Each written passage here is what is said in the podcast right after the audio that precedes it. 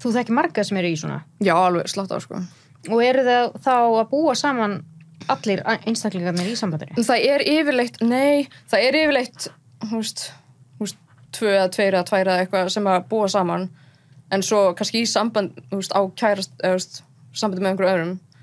Það hefur held ég alveg fólk, ég, ég veit ekki hvort að einhver sem ég þekki hafa verið búið þrjú saman. En Ég- það er alveg örglega að nótið, sko. Myndið þú geta það? Deilt makaðinu með einhverjum öðrum? Hann var að fara á date eða hún með einhverjum öðrum og þú er bara heima eitthvað svona hekla dúllur Sko, ég veit ekki, veist, ég hef ekki prófað opið samband eða pólísamband. mm en uh, já, veist, ég hef alltaf verið bara í venjulegum samböndum, svona lokuðum en það er sko þetta er svolítið erfið spurning af því að veist, ég eiginlega veit það ekki en ég, veist, ég get samt alveg sagt já af því að veist, þetta er allt svo mikið svona samningsatriði skilur og þú veist ef að ég á opin og hrein samskipti við maka minn og, veist, og allt er upp á borðinu skilur að þú veist, já, þá gæti ég það sko. mm.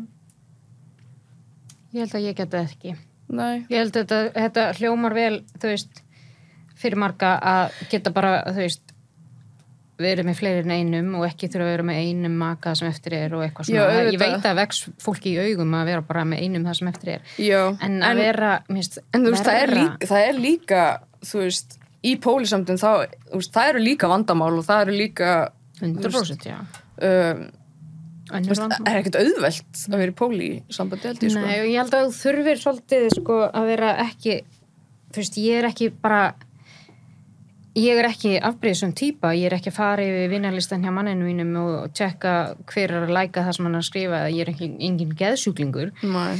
en ég veit ekki alveg hvernig mér liði ef að hann væri að fara á date og ég væri bara heima og, og svo kemur hann heim og ég væri bara eitthvað les í hann alveg bara mm, er þetta að fara frá mér eða er, þetta, er hann betur en ég eða- það er sko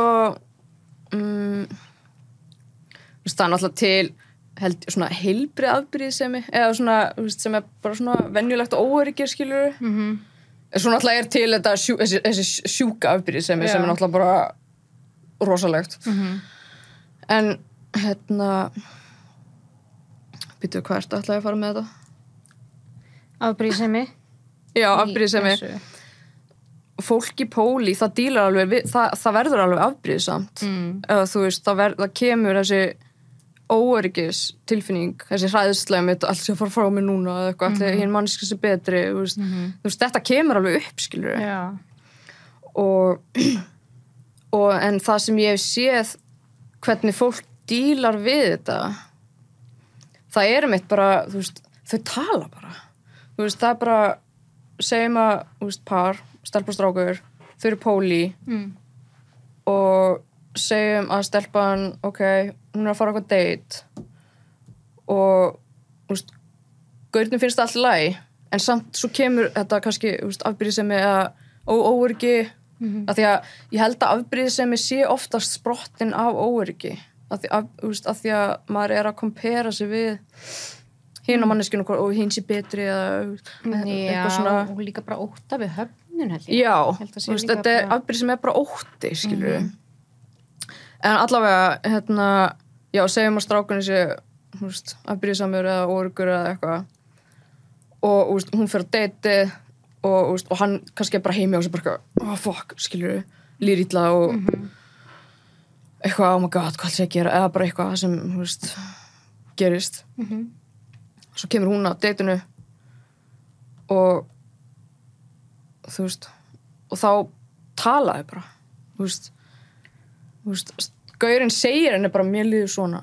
Þú veist, og bara ég er órygg og eitthvað. Og, veist, og hún náttúrulega bara veist, það verður þarna samtal og bara svona huggun við eitthvað annað og yfirleitt eftir þessi samtöl þá er oftast allt í læg og til, þetta, þessi og óttin eða afbyrðið sem er hverfur veist, þau, það er alltaf það sem ég séð í svona pólísamböndum eða opnum samböndum eru samskipti Þessi þáttur er í áskrift. Ef þú vilt heyra meira, getur þú farið inn á fullorðins.is og nælt þér í áskrift.